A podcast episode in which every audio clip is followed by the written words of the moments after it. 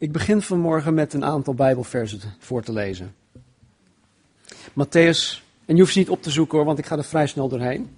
Wil je ze achteraf hebben, dan heb ik ze hier opgeschreven. Uh, Matthäus 14, vers 23. Toen Jezus de menigte weggestuurd had, klom hij de berg op om er in afzondering te bidden. Toen het avond was geworden, was hij daar alleen. Marcus 1, 35. En s'morgens vroeg, nog diep in de nacht, stond Jezus op, ging naar buiten en begaf zich naar een eenzame plaats en bad daar. Lucas 4, 42. Toen het dag geworden was, ging Jezus naar buiten en begaf zich naar een eenzame plaats. Lucas 5, 16 uit de nieuwe Bijbelvertaling. Hij zelf trok zich geregeld terug op eenzame plaatsen om er te bidden. Lucas 6, 12. Het gebeurde in die dagen dat Jezus naar buiten ging naar de berg om te bidden. En hij bleef heel de nacht in gebed tot God. Marcus 6, 30 en 31. En de apostelen kwamen weer samen bij Jezus en berichtten hem alles wat zij gedaan en wat zij onderwezen hadden. En Jezus zei tegen hen: Komt u zelf mee naar een eenzame plaats, alleen, en rust wat uit. Want er waren velen die kwamen en die gingen, en ze hadden zelfs geen gelegenheid om te eten. Lucas 9, vers 10. En toen de apostelen teruggekeerd waren, vertelden zij Jezus alles wat zij gedaan hadden. Hij nam hen mee en vertrok alleen met hen naar een eenzame plaats bij een stad die Bethsaida heette. In al deze gevallen zien we dat Jezus zich terugtrok. Dat hij zich terugtrok naar een eenzame plaats. En in een aantal gevallen, ik heb ze niet allemaal opgenoemd, zien we dat Jezus ook aan zijn apostelen zegt: trek je terug naar een eenzame plaats. En niet alleen om te bidden, maar om zich gewoon terug te trekken. De bediening van Jezus en van zijn discipelen, van zijn apostelen, vergde heel veel tijd en energie. Ik geloof dat voor de, voor de, de, de discipelen, dat, dat de drie jaar dat ze met Jezus doorbrachten, waarschijnlijk de meest intensieve jaren waren geweest van hun leven. Tot, tot dan toe. Ze waren, ja, als je door de, door de um, evangelie heen leest, zie je dat ze continu bezig waren. Continu bezig waren met mensen. Continu bezig waren met mensen die problemen hadden, mensen die ziek waren, mensen die door demonen uh, bezeten waren, enzovoort, enzovoort. Dus ze waren continu bezig en mensen bleven maar komen. Ze bleven maar komen. En in deze Bijbelteksten zien we dat, dat Jezus en zijn discipelen dus, ja, zich dus regelmatig terugtrokken en tot rust kwamen, of om tot rust te komen en om te bidden. De reden waarom ik dit aanhaal, is omdat ik zelf de gelegenheid heb gekregen om deze week, afgelopen week, um, mezelf terug te trekken terug te trekken van het dagelijks werk. En ik heb uh, zo'n drieënhalve dag doorgebracht met zo'n 50 collega-voorgangers van 13 verschillende landen waar Calvary Chapel hier in Europa vertegenwoordigd wordt. Nog meer hoor, maar goed, 13 landen waren vertegenwoordigd. Elk begin van het jaar, in januari, wordt er door Calvary Chapel Ziegen een uh, Pastors Conference georganiseerd. Hè? Een, een, tijd van, uh, waar, waar de, de voorgangers van Calvary Chapels um, naar, ja, naar Ziegen toe gaan om, daar, ja, om elkaar daar te ontmoeten. Nou, dit jaar dus weer. En ondanks dat ik geen auto had, kon ik daar toch komen. Dankzij de trein. De trein. In het Duits heet dat zoeg volgens mij toch? Heb ik geleerd. En uh, ik, ik stapte dus, uh, dus dinsdag, afgelopen dinsdagochtend dus in de trein en ik kwam afgelopen vrijdagavond weer terug. Nou, ik was van plan om de studie in 1 Korinthe voor te zetten, maar um, ik werd door meerdere van ons gevraagd om toch iets van deze pastorsconferentie met de gemeente te delen. Vandaar dat ik dit vandaag ook ga doen.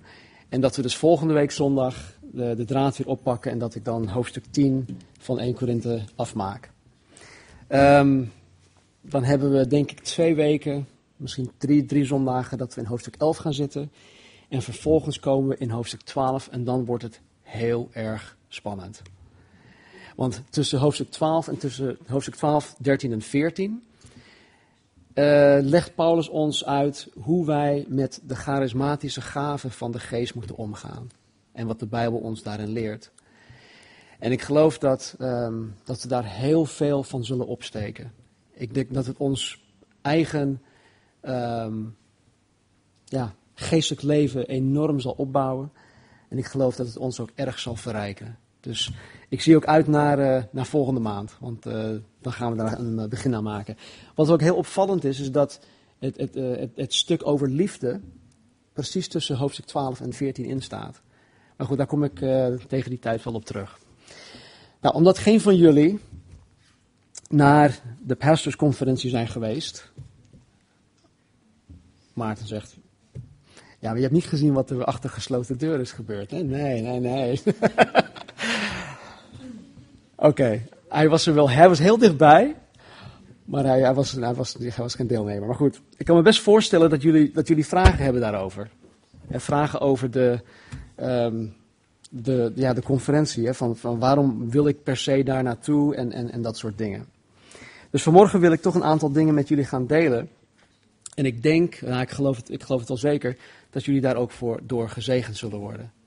Want ik ben gezegend en ik draag eigenlijk gewoon die zegen over aan jullie. Nou, ten eerste is zo'n conferentie voor mij een onderbreking van, uh, ja, of een pauze van het dagelijks werk van mijn bediening hè, als voorganger. Ik, ik stap er eigenlijk drieënhalve dag helemaal tussenuit. Ik, ik heb mijn telefoon wel bij me, maar uh, de meeste tijd heb ik hem gewoon uitstaan. Ik check mijn e-mails niet, helemaal niks. Ik ben Behalve voor Marnie en een enkel andere personen eigenlijk van deze wereld. En het is goed om, om, om ook helemaal ertussenuit te gaan. Dus het is een onderbreking van, van mijn dagelijks werk. Ik um, heb geen telefoongesprekken met mensen. Van hier. Behalve van, met Marnie, twee of drie keer. Uh, ik heb geen e-mails die ik moet beantwoorden of die geschreven moeten worden. Ik heb ook geen persoonlijke gesprekken met, met mensen, met, jullie van, de gemeente, van de gemeente. Uh, geen vergaderingen. Uh, geen voorbereiding voor Bijbelstudie, voor zondag of voor donderdag. Er zijn beslissingen die genomen moeten worden, enzovoort, enzovoort. Dus ik ben er helemaal uit. Ik ben eigenlijk drieënhalve dag. Um, ja, afgezonderd. En alleen dat al doet me goed. Om, er even tussenuit te zijn. Maar het is niet alleen uh, een pauze van, van deze dingen, van mijn dagelijks werk. Er is nog veel meer. Want dat is eigenlijk de negatieve kant, dat ik deze dingen niet meemaak en dat ik deze dingen niet hoef te doen. Maar er is ook een hele positieve kant van het verhaal. De dingen die ik juist wel doe. En een van de dingen uh, ja, die, die, die ik meekrijg, of wat met mij gebeurt, is dat ik ontzettend bemoedigd word. Ik word bemoedigd. Ik word opgebouwd. De Heer gebruikt elk aspect, elk aspect van de conferentie, om, om mij ook op, op alle fronten te bemoedigen. En ik overdrijf echt niet. Het is, het is iets bovennatuurlijks dat gebeurt, maar God gebruikt de meest eenvoudige dingen om mij en om, om al mijn collega-voorgangers te bemoedigen.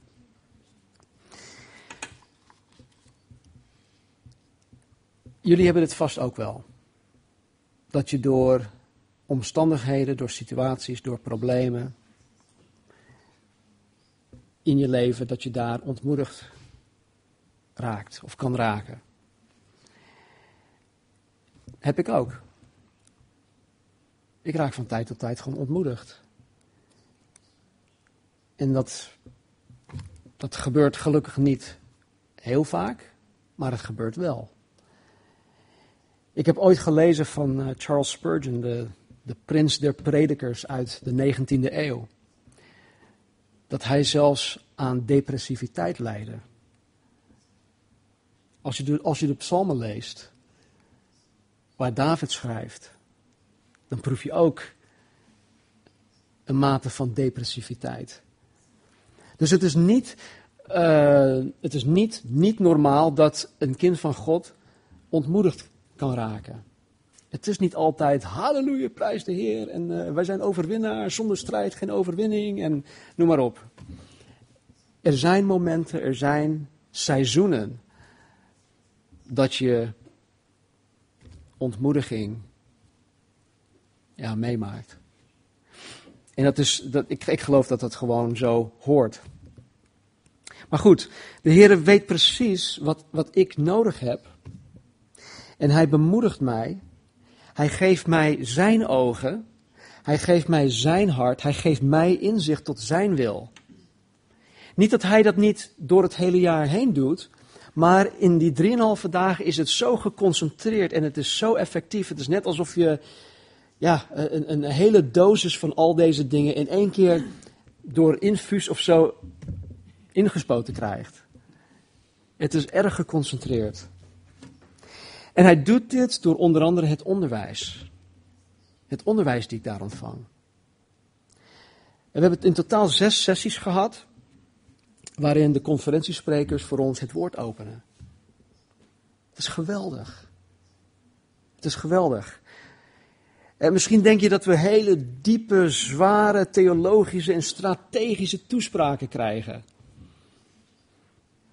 Nee, dat is niet zo. We krijgen op een hele directe en eenvoudige manier het woord van God voor ons voorgeschoteld.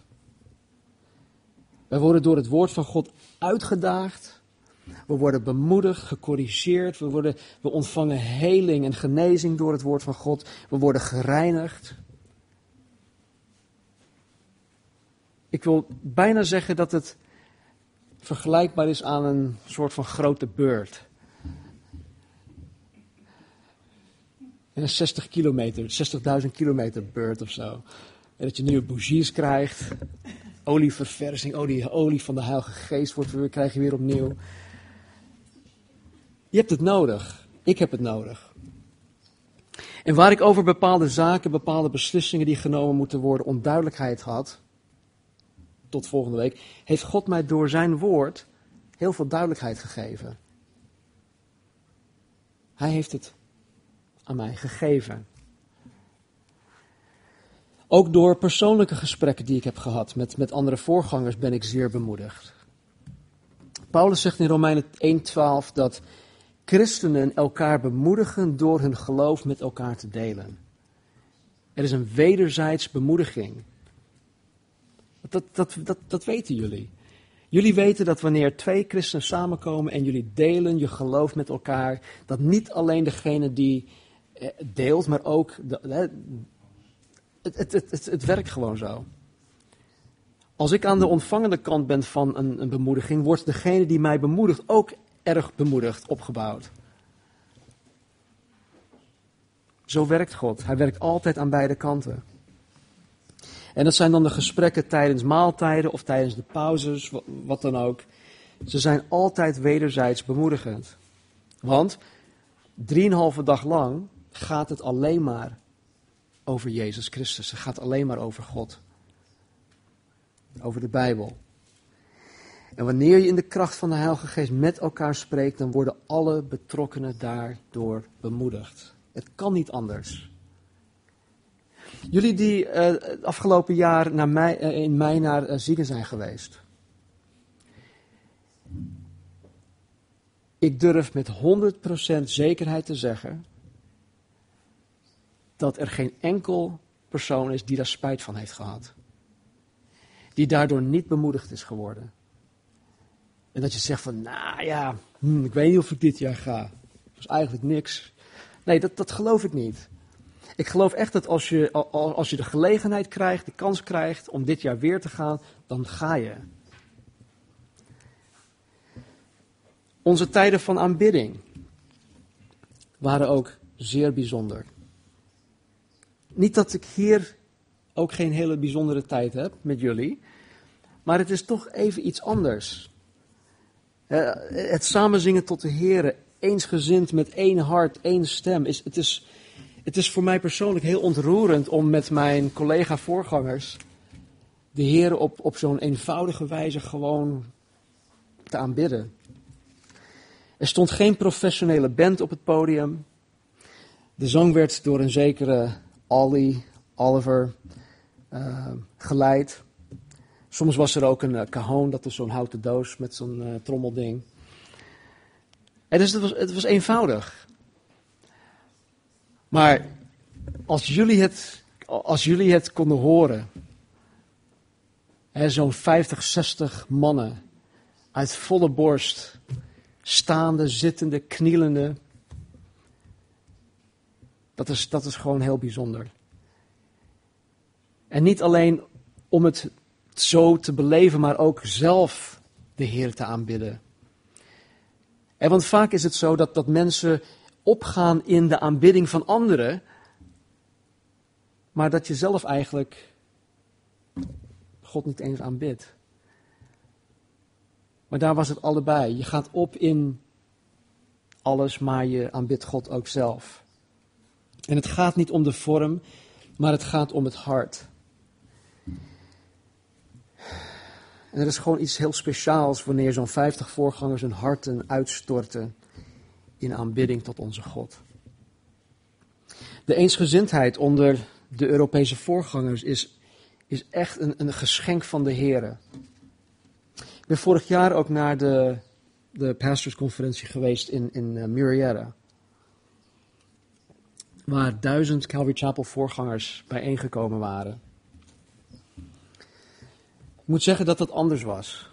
Uh, ten eerste de, de, de aantallen, de grootheid, je voelt je een beetje verloren in de massa. Maar ik hoorde hier en daar ook dat er best wel wat, wat oneenigheid was onder een aantal van hun. Ja, dat, dat, is, dat vind ik raar, dat vind ik vreemd. Dat hoort ook niet. Want ik ken dat hier niet in Europa. Er is zo'n eensgezindheid onder ons. En ik zie dat nu, vooral omdat ik dat anderen ook heb gezien, zie ik dit echt als een geschenk van de Heer. Wanneer onze gastsprekers van Amerika komen om ons hierin te dienen, zeggen ze altijd, dit is een van hun favoriete uh, pastorsconferenties, omdat het zo gemoedelijk gaat, omdat er zo'n eenheid heerst onder de voorgangers hier in Europa. Er is absoluut geen concurrentie, er is geen afgunst, er is geen rivaliteit. We willen allemaal hetzelfde. Al de neuzen staan richting Jezus. En dat is gewoon mooi. En wij willen dat het koninkrijk van Jezus in ons eigen leven, in ons eigen leven verspreid wordt, maar ook in het gebied waar wij Jezus dienen. Hier, waar we wonen. Wij willen het koninkrijk alleen maar zien verspreiden. Ook de eensgezindheid van hoe wij als Calvary Chapel voorgangers onze taak horen te vullen of te vervullen, is opbouwend. We willen hetzelfde, we willen het op dezelfde manier doen. En we weten dat de context van elke gemeente die daar vertegenwoordigd wordt anders is. Want hoe God hier onder ons aan het werk is, is anders dan in Ziegen. Het is anders dan in Nice in Frankrijk. Het is anders dan in, in Londen. Maar wat we wel gemeenschappelijk hebben, en dat is fundamenteel, is, is Handelingen 2, vers 42, waarin wij volharden in de leer der apostelen, de gemeenschap, het breken van brood en het gebed. En dat is in elke Calvary Chapel weer terug te vinden. De nadruk op het onderwijzen van Gods woord. Wat mij persoonlijk ook heel diep raakt, is de onderlinge liefde die wij als voorgangers voor elkaar hebben. Die gasten, het, het, is, het, is echt, het is echt Gods werk. Want een, een voorganger uit de States, die zei ooit tegen mij, zegt, joh, ik was een keer op een, uh, een, een, Calvary Chapel pastorsconferentie. En hij zat, hij zat daar dan onder een aantal honderd van, van, van die voorgangers. En hij keek om zich heen. En het eerste wat in hem opkwam was: What a bunch of losers. dus wat een stelletje, ja, sukkels.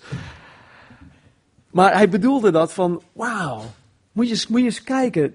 Geen van die mensen hebben geleerd. Geen van die mensen uh, hebben, hebben zo'n hoofd. Geen van die mensen doen het voor zichzelf. Maar het is echt God die, die door hun heen werkt. Nogmaals, de eenvoud. En de, de liefde onder elkaar, het, het, het is zo bijzonder, want we zijn allemaal zo anders. Als ik, als ik die mensen in de wereld, stel dat ik geen christen was, en zij ook niet, dan had ik nooit met hun, dan had ik eigenlijk niets met hun. Want het zijn, we zijn allemaal zo anders. Het is echt een gemeleerd groepje van, ja, in in de ogen van de wereld misschien wel losers. Maar Jezus Christus heeft ons hart gegrepen. En hij heeft ons vervuld met zijn geest. En hij heeft ons één gemaakt.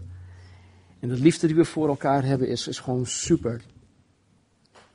Ik denk dat wat wij in die drieënhalve dagen beleven, hoe we met elkaar omgaan, is wat Jezus bedoelde toen hij zei: Heb elkaar lief zoals ik jullie lief heb gehad. En weet je, wat wij hier onderling ook hebben, is heel erg bijzonder. Maar daar kom ik aan het eind van mijn verhaal op terug. Wij als voorgangers krijgen ook de gelegenheid om in groepsverband dingen met elkaar te delen. Situaties waar, waarin wij ons bevinden, uh, vraagstellen die we hebben, dingen waar we tegenaan lopen, enzovoort, enzovoort. En dit is heel mooi om te doen, want degenen die meer ervaring hebben in bepaalde situaties, kunnen ook dan ja, kunnen goede raad geven. En het is niet zo dat er dan gezegd wordt van, joh, je moet het zus of je moet het zo doen, want zo heb ik het gedaan. Nee, het is dat je hun ervaringen meeneemt in gebed en in het oplossen van jouw eigen situatie of je eigen problemen. Dus je kan leren van andermans situaties. En waar ik dan meer ervaring heb, kan ik ook een zegen zijn voor, voor de anderen. Wat ook bemoedigend is in deze sessies, is dat ik de situaties, de problemen en de worstelingen van anderen te horen krijg. ik weet niet of ik dit moet zeggen, maar als ik hun problemen hoor, dan lijken mijn problemen ook heel erg klein te zijn. Dus het plaatst alles weer in een, in, in een juiste perspectief. Wat ik ook veel waarde aan hecht, is dat ik met mijn collega-voorgangers van hart tot hart kan spreken over voorgangerdingen. Voorgangerdingen. Nou, ik wil mijn bediening niet ophemelen of zo, maar er zijn gewoon bepaalde dingen waar alleen voorgangers mee te maken krijgen. Er zijn bepaalde dingen die alleen voorgangers begrijpen. We zijn een soort lotgenoten als, als we daar zijn. En we begrijpen elkaar. Dus het is altijd heel kostbaar om je hart bij iemand te kunnen luchten die precies weet waar je het over hebt. Die je ook niet scheel aankijkt, die je dan ook niet veroordeelt, maar die gewoon weet waar je het over hebt en wat je nodig hebt. Dus al met al, door deze dingen word ik ontzettend bemoedigd en ik word opgebouwd. En weet je, als ik bemoedigd ben en als ik opgebouwd ben, dan hebben jullie er iets aan. Dan heeft mijn gezin er iets aan, dan heeft de gemeente er iets aan. We hebben er allemaal baat bij. En daarom is het ook belangrijk voor jullie opgebouwd en bemoedigd te zijn. Want dan hebben de mensen om jullie heen er baat bij. Niet voor niets dat Paulus zegt dat wij elkaar horen te bemoedigen, op te bouwen. Het netwerken met andere Calvary Chapel voorgangers heeft ook zijn waarde. door elkaar te zien, te spreken, komen we te weten wat wij, uh, wat we, ja, of hoe wij elkaar kunnen helpen op verschillende, op verschillende vlakken. Uh, er is een uh, zekere David Ball. Hij zit uh, op een Amerikaans luchtbasis in Duitsland. Ramstein heet dat. En zijn, zijn plek heet Kaiserslautern. Het is een Engelstalige gemeente. En dat is wel heel leuk. Hij heeft, zoals wij hier op de achterste rij vertaling hebben in het Engels, heeft hij van Engels vertaling in het Spaans. En hij zit in Duitsland. Dus dat vond ik een ja, bijzondere ontwikkeling. Maar wat hij heeft, uh, wij doen het momenteel nog op, op één rij met bedraden koptelefoons of hoofdtelefoontjes. Uh, hij is iets meer geavanceerd. Hij heeft het draadloos via een uh, FM-zender en, enzovoort enzovoort. En wat hij dan vertelde was dat, hij, dat er wat, wat, wat, wat veranderingen plaats gaan vinden. En mocht het zo zijn dat hij niet meer gebruik zal gaan maken van zijn apparatuur, dat hij deze aan mij, aan ons beschikbaar zal stellen. Stel je zo, ja. Zie dus, het, netwerken, hè, dat, dat, heeft, het heeft zijn, zijn, zijn waarde. En niet alleen eh, naar mij toe van, oh joh, wat kan ik, waar kan ik gebruik van maken? Nee, ook, ook wij willen, ik wil mensen kunnen dienen in die, op die manier. En omdat ik toch een van de oudere voorgangers of oudere zendelingen aan het worden ben, is het mooi dat de Heer mij ook kan gebruiken om de jongere zendelingen, de jongere voorgangers te dienen. Ik vind het wel leuk om de jonge gasten te zien. Dat zijn mannen van begin tot mid-twintigers. Die hun hele hebben en houden achtergelaten hebben om ergens in Europa een Calvary Chapel te planten. En het is voor hun absoluut niet makkelijk. Het is heel moeilijk zelfs. Ze hebben geen ervaring, of weinig praktijkervaring.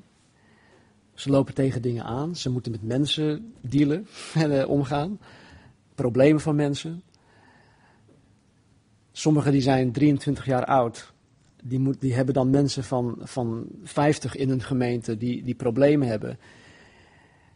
En dan vragen ze zich af, waarom luisteren die mensen niet naar mij? Ja, misschien is het omdat je 22 bent. Maar hoe daarmee om te gaan en hoe je hun daarin kan bemoedigen en begeleiden. Dit zijn dan wel de, de crème de la crème van de 22 en 23-jarigen. Het, het, zijn geen schooiertjes die je zomaar ergens in een land dropt om, om daar een kerk te planten. Nee, het zijn wel hele degelijke christenen. Maar toch, en dan mag ik als een ouder wordende voorganger hun, uh, hun bemoedigen.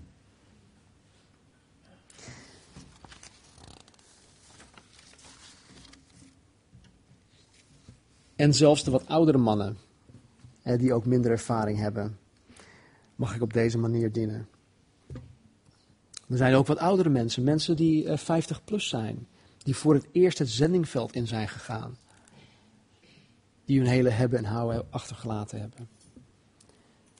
Dus denk niet dat je te oud bent om de Heer te dienen. En het is niet alleen, nogmaals, het is niet alleen voor hun voordeel, maar ik zelf word hier ook door opgebouwd. Ook krijg ik informatie over middelen die beschikbaar zijn. Om mij persoonlijk, maar ook om ons in onze bediening te helpen. En het is natuurlijk fijn om de, ja, de big picture um, te krijgen van Europa. om dat te zien. Elke keer krijgen we te horen wat God in de andere Calvary Chapels aan het doen is. En dat is natuurlijk mooi. Je verbreedt je horizon. Toen Marnie en ik en ons gezin in eind 93 naar Nederland kwamen, hebben ook wij ons hele hebben en houden achtergelaten. En op dat moment waren er twee Calvary Chapels in Duitsland en twee Calvary Chapels in Engeland. Nederland, België, Luxemburg, Frankrijk. Oh, er was één in Frankrijk. Maar verder was er heel weinig. Calvary Chapel Ziegen bestond toen zo'n vijf jaar. En het telde nog geen honderd man. Nu bestaat Calvary Chapel Ziegen rond 20 jaar. En ze houden drie zondagsdiensten. In een vrij groot gebouw. Nou, ik geloof dat dit alleen al getuigt van Gods trouw en van zijn zegen op het werk dat Nick Long daar twintig jaar geleden is gestart. Zonder Nick Long, de voorganger van die gemeente, was, er daar, was daar waarschijnlijk ook nooit een Calvary Chapel Ziegen gestart. Dus God heeft hem de visie gegeven om daar te beginnen. En ik geloof dat als de Heer nog niet terugkomt, als wij over twintig jaar terugkijken naar ons pril begin, dan kunnen we ook zien en getuigen van Gods trouw. Van alle Calvary Chapels die hier in Nederland geplant zullen zijn. Want Siegen is ook zo begonnen. En God is ook met hun op dit niveau heel mooi bezig. Maar wat nog meer indruk op mij maakt, is dat er nu in Duitsland zo'n 20 Calvary Chapels bestaan. Niet allemaal staan op de kaart, dus als je naar calvarychapel.com gaat en je kijkt op de kaart van, van Duitsland of Engeland, dan staan ze nog niet allemaal op de kaart. Maar ze bestaan wel. Zo'n 20 Calvary Chapels, waar er 16 jaar geleden maar twee waren. Eind 93 uh, eh, stonden er ook twee Calvary Chapels op de kaart in het Verenigd Koninkrijk. Nu bestaan er zo'n 40 in het Verenigd Koninkrijk, inclusief Noord-Ierland. Dit, bemoedigt mij. En ik hoop dat het jullie ook bemoedigt. En dit geeft mij hoop. En dit bevestigt in mij dat God de Calvary Chapel beweging gebruikt om zijn koninkrijk hier in Europa uit te breiden. Velen dachten twintig jaar geleden, Europa is dood. Postchristen, postmodern. God doet daar niks meer. Maar het feit dat er mensen tot geloof komen, dat Calvary Chapels geplant worden, dat er ook buiten Calvary Chapel, want ik wil niet zeggen dat het alleen maar Calvary Chapel is, maar dat God in zijn koninkrijk hier in Europa heel mooi bezig is. Dat getuigt van zijn trouw. En het geeft mij de zekerheid dat God ook hier in Nederland meerdere Calvary Chapel zal gaan oprichten. Ik geloof echt dat vanuit deze basis meerdere Calvary Chapels hier in Nederland gevestigd zal gaan worden. Dit is geen, ja, hoe noem je dat? Um, droom. Het is wel een droom van mij, maar het is geen droom. Snap je wat ik bedoel? Het is geen? Bevlieging. Ik weet niet wat het is. Oké. Nee, oké. Maar het is ook niet iets dat niet reëel is, geloof ik. Ik geloof echt dat dit, dit, dit, dit haalbaar is. Want God doet het. Nou, waar het uiteindelijk om draait, zo'n pastorsconferentie, is het zoeken van de Heer. Niet dat hij, dat hem kwijt waren of zo, maar zijn wil zoeken. Zijn plan, zijn hart, zijn opdracht, zijn antwoorden op mijn vragen. En dus er wordt de nodige tijd besteed aan gebed. En dit, dit gebeurt op verschillende momenten. Het gebeurt spontaan, het gebeurt uh, wanneer het aangegeven wordt. En wat ook heel opbouwend is, is wat, op de, wat we op de laatste avond doen. En dat is het houden van, dat noemen wij een afterglow. Een nagloei. Ik weet niet of dat goed heb vertaald, maar goed, wat is een nagloei? Een afterglow. Op zo'n donderdagavond hebben we dan een tijd van aanbidding. We hebben een preek. Dan wordt er weer gezongen. En dan wordt aangegeven, joh, laten we de Here zoeken, laten we wachten op de Here. En eigenlijk wat we hier tussen de liederen in doen, hè, dat we elkaar bemoedigen door, door te bidden, door de Here te danken, doen we daar dan ook, maar dat gaat iets langer door. In ons geval ging dat van kwart voor negen tot ongeveer elf uur door. Het moest zelfs gestopt worden, want ja, anders ging het nog langer door. Maar het is een tijd van, van onder andere het uitspreken van dankzegging, het is een tijd van gebed. Het is een tijd van het delen hè, van, van een woord van, van kennis die de Heilige Geest aan je geeft. Een woord van wijsheid. Profetische woorden.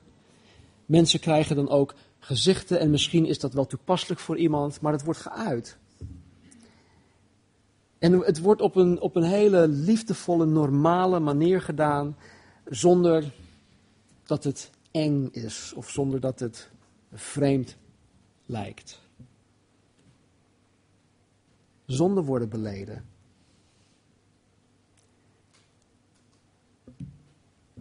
Je wil niet weten hoeveel van ons gewoon door de Heilige Geest aangeraakt werden om, en, en onze zonde hadden beleden. Dat getuigt gewoon van een, een, een heerlijke ja, beweging van Gods geest op de harten van mensen. Misschien heb je iets van, joh, voorgangers, zondebeleider. Ik dacht dat jullie voorgangers waren. Nou ja, dat zijn we ook. En wij zijn ook zondaars. En het is zo mooi, het is zo mooi, het is zo puur, het is zo eerlijk. De Heilige Geest was zo mooi aanwezig. En ik denk dat we als, we, ja, als het niet gestopt werd, dan, dan zouden we waarschijnlijk nog langer door, door kunnen gaan. Goed. We hebben ons driejarig bestaan als Calvary Chapel net gehad. Op 21 januari, dat was afgelopen donderdag, vierden wij ons driejarig bestaan. En elk jaar aan het begin van het jaar hebben we gemeenteavond, dan blikken we terug op het jaar daarvoor. En dan zien wij Gods trouw. We zien Gods handafdrukken. We zien zijn vingerafdrukken op een ieder van ons. In wat hij het afgelopen jaar allemaal heeft gedaan. En de afgelopen drie jaar heeft God zo veel gedaan in ons en onder ons. Sta erbij stil. Denk even na over hoe je in het leven stond drie jaar geleden.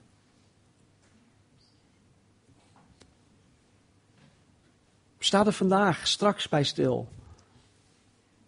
Hoe God je denken heeft veranderd, hoe God je hart heeft veranderd, hoe God je, je leven heeft veranderd.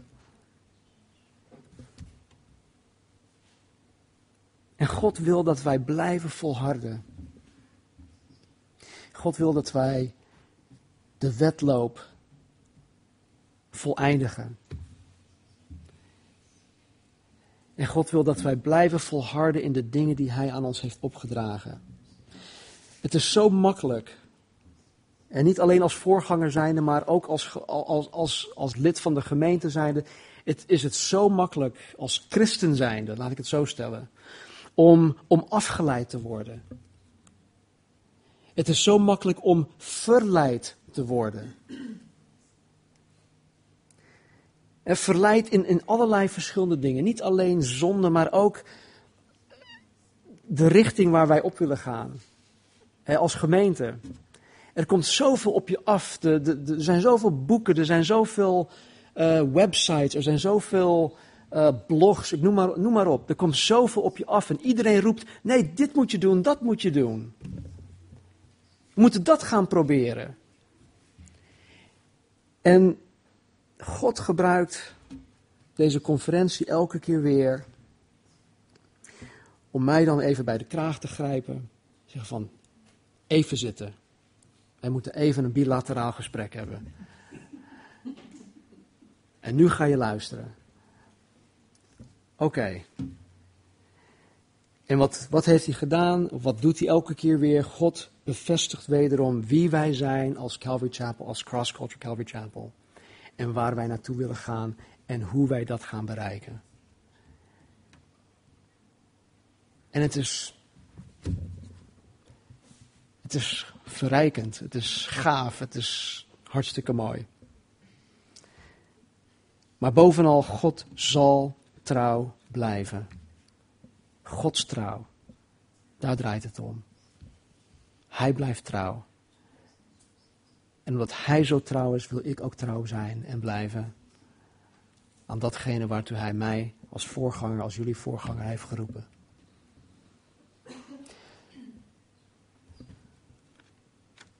Mochten jullie vragen hebben, dan hoor ik dat graag straks. Mochten jullie de preken willen hebben van de, de sessies, ik heb ze op cd, laat het me weten. Dan maak ik daar kopietjes van.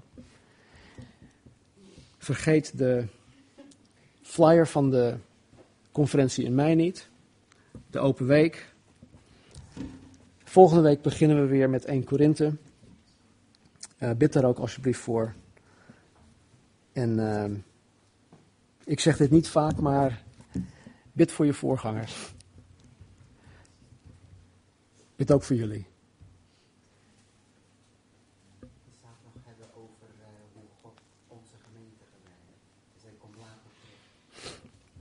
Um, Ja. Ja, niet zozeer hoe, hoe God onze gemeente gebruikt, maar hoeveel God in ons aan het doen is. Je krijgt verhalen te horen, en, en dit zijn niet verhalen, maar echte verhalen. Van hoe het, hoe het gaat met verschillende gemeenten. En ik, ik geloof dat Maarten ook uh, um, heeft gezien, want hij heeft veel Calvary Chapels ook bezocht in zijn uh, bijbelschoolcarrière van twee jaar. En er zijn een aantal Calvary Chapels die dan al 10, 15 jaar lang bestaan. Wij bestaan maar drie jaar. Er zijn Calvary Chapels die al 10 jaar bestaan, 15 jaar. Die kleiner zijn dan, dan wij. En dan wil ik niet zeggen dat, ons, hè, dat succes bepaald wordt door de grootheid of door de aantallen. Maar het is wel, wel zoiets van hè, dat, dat, dat God mensen toevoegt hier. En ik, ik proef de worstelingen van, van de voorgangers die dan al jarenlang zitten te ploegen op keihard grond. Die jarenlang zitten te ploeteren om maar een handjevol mensen tot geloof te brengen. Het, het, ja, het breekt je hart, want je, je, voelt, je, je voelt en je leeft helemaal met hem mee. En als ik dat dan vergelijk met wat God hier aan het doen is, hier in Hoofddorp met ons, dan denk ik soms van, Heer, wie ben ik om, om dit, om zo rijkelijk gezegend te zijn? In het delen hè, van, van hoe het met ons gaat, ik, ik, ik, ik schaamde me niet, maar ik, ik, ik voelde me bijna bezwaard om, om te vertellen hoe gezegend ik als, voor, als, als jullie voorganger eigenlijk ben. Dus het enige wat ik hiermee wil zeggen is: onderschat alsjeblieft niet wat God in jullie en onder ons aan het doen is. God is een heel mooi werk hier begonnen. In een ieder van jullie als individu en ook gezamenlijk als gemeente. En dat moeten we absoluut nooit uit het oog verliezen. Het is erg speciaal, het is heel bijzonder. En het is niet om mij. Het is, God zegent ons. God zegent ons. En ik geloof dat Hij ons wil blijven zegenen. Laten we bidden. Heer, ik dank u voor, voor uw trouw, Vader. Dank u nogmaals voor deze geweldige week die u mij gegeven heeft, Heer, met de mannen Gods Heer, zegen hen in hun bediening. Vader, vooral degenen die het zo zwaar hebben. Vader, geef hen kracht, geef hen de moed. Geef hen de ondersteuning. Geef hen, Heer, alles dat ze nodig hebben. Uw geest, uw woord. En Heer, ik dank u zo dat u ons als gemeente zo rijkelijk zegent. Dat u ons aan elkaar gegeven heeft. Heer, ik ben zo. Ja, zo dankbaar. Heer, voor een ieder die u in, ja, in mijn leven heeft geplaatst. Voor een ieder, Heer, die u toevoegt aan Cross Culture Calvary Chapel. En Heer, ik zie uit naar wat u vandaag weer gaat doen, morgen, overmorgen, heren. En mocht u nog niet terugkomen, heren, over een jaar of over vijf jaar of over tien jaar. Heren, u bent getrouw. En heren, uw trouw, dat, dat is in alle dingen te zien. Heren, help ons om, om, om dat altijd, heren, voor ogen te blijven houden. En dat we de, de tijd, heren, van nu, de tijd van kleine dingen niet verachten. En heren, al groeien we, al worden we groot, heer. Help ons om altijd klein en nederig te blijven voor u.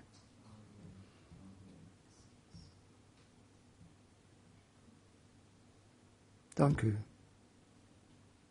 Dank u, Heer. U bent zo geweldig. Zegen, Heer, en ieder. Ook degene die straks de, de boodschap, Heer, via internet gaan beluisteren. Raak hen aan. En Heer, stel ons tot zegen. Geef ons een geweldige week. Houd ons ook veilig. Breng ons ook weer veilig thuis. En laat ons, Heer, alles doen tot eer en glorie van uw naam. Heer, wees ook met Roelof, vader. Die eh, best wel moeilijke tijd heeft gehad om naar Amerika te komen. Maak, maak het ook mogelijk, Heer, eh, om zijn eh, opleiding daar af te maken. Dank u wel. De naam van uw Zoon, Jezus Christus. Amen. Amen.